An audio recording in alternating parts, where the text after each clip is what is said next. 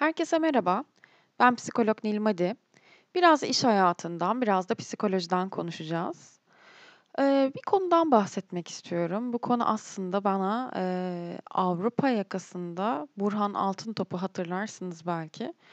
O bir bölümde "Ben aslında yoğum." demişti.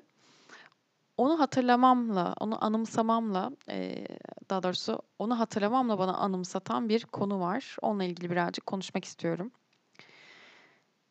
Bir iş gününü düşünelim. Sabah evden çıktınız, işe geldiniz.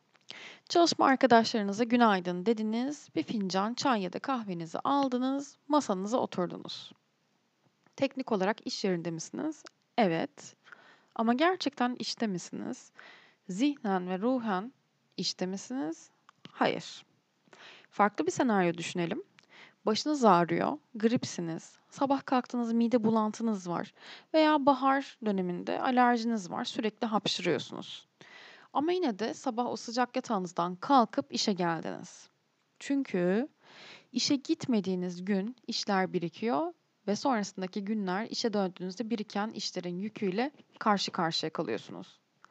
Veya iş arkadaşlarınız siz işe gelmediğiniz zaman hoşgörülü davranmıyorlar sizin sorumlu olduğunuz işleri yapıyor olmaktan şikayet ediyorlar ve bu durumda sizi rahatsız ediyor. Veya izin kullanmanızın terfi olanaklarınızı, yükselme olanaklarınızı riske atacağını düşünüyorsunuz. Veya öyle bir yöneticiniz var ki hastalık, izin gibi kelimelere alerjisi var. Veya çalışma ortamınızda aşırı bir rekabet söz konusu. Veya siz olmadığınızda sizin işinizi yapacak, yürütebilecek başka kimse yok. Daha birçok neden sıralayabilirim. Literatürde biz bu duruma işte var olamama, İngilizce ismiyle prezentizm diyoruz. 1998'de Cooper isimli bilim adamı işte var olamama kavramını, bu bahsettiğim kavramı hastalığa rağmen çalışanın işe gelme durumu olarak tanımlamış.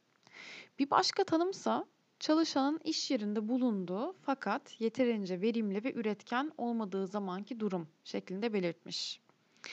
Evet tanıdık geliyor mu? Bana epey tanıdık geliyor. Sadece iş yerinde olmak için, bulunmak için bulunmak şeklinde de özetleyebiliyoruz. Cooper'a göre e, özellikle 1990'ların sonlarında yöneticilerin kurumlarda işkolik bir kültürü yaratmış olmaları çalışanların the longer the better düşüncesi yani iş yerinde ne kadar zaman geçirirlerse, ne kadar vakit geçirirlerse o kadar üretkenlerdir düşüncesi işte var olamamanın oluşumunu etkilemiş. Benim bu noktada hemen aklıma The Devil Wears Prada, Şeytan Marka, Marka Giyer diye bir film vardı. Orada Miranda isimli bir yönetici vardı. Benim hemen aklıma o yönetici geldi. Peki sizce bu sağlıklı bir durum mu? Kesinlikle değil. Sadece iş yerinde bulunmak için işe gelmek veya hastalığa rağmen işe gelmek kesinlikle sağlıklı değil. Tam tersine performans düşüklüğü, motivasyonun azalması, verimsizlik gibi sonuçlara neden olabilir. Hastayken enerjiniz zaten düşük. Performansınız, konsantrasyonunuz da bu nedenle düşüyor. Normalde bir saatte bir bitirebileceğiniz bir işi 3 saatte bitirebiliyorsunuz. Çok yoğun, yoğun, yoğun, yavaş, yavaş, yavaş zihniniz zaten yoğun. İyice iş uzayabiliyor. Hele bir de banka, kredi işlemleri gibi yüksek risk içeren işler veya üretim bandında çalışan birini düşünsenize. Çok büyük hatalara veya kazalara sebep olmaları bile olası. İşlerin yetişmesi için sizin işlerinize destek olabilmek adına diğer arkadaşlarınız, diğer çalışma arkadaşlarınız da destek oluyorlar, sürece dahil oluyorlar.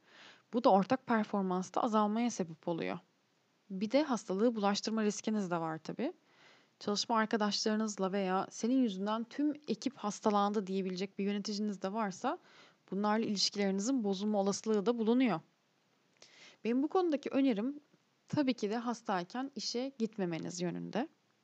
Yöneticinizle durumu görüşmek, görüşerek izin almanız, çalışma arkadaşlarınızdan da gereken desteği istemenizdir.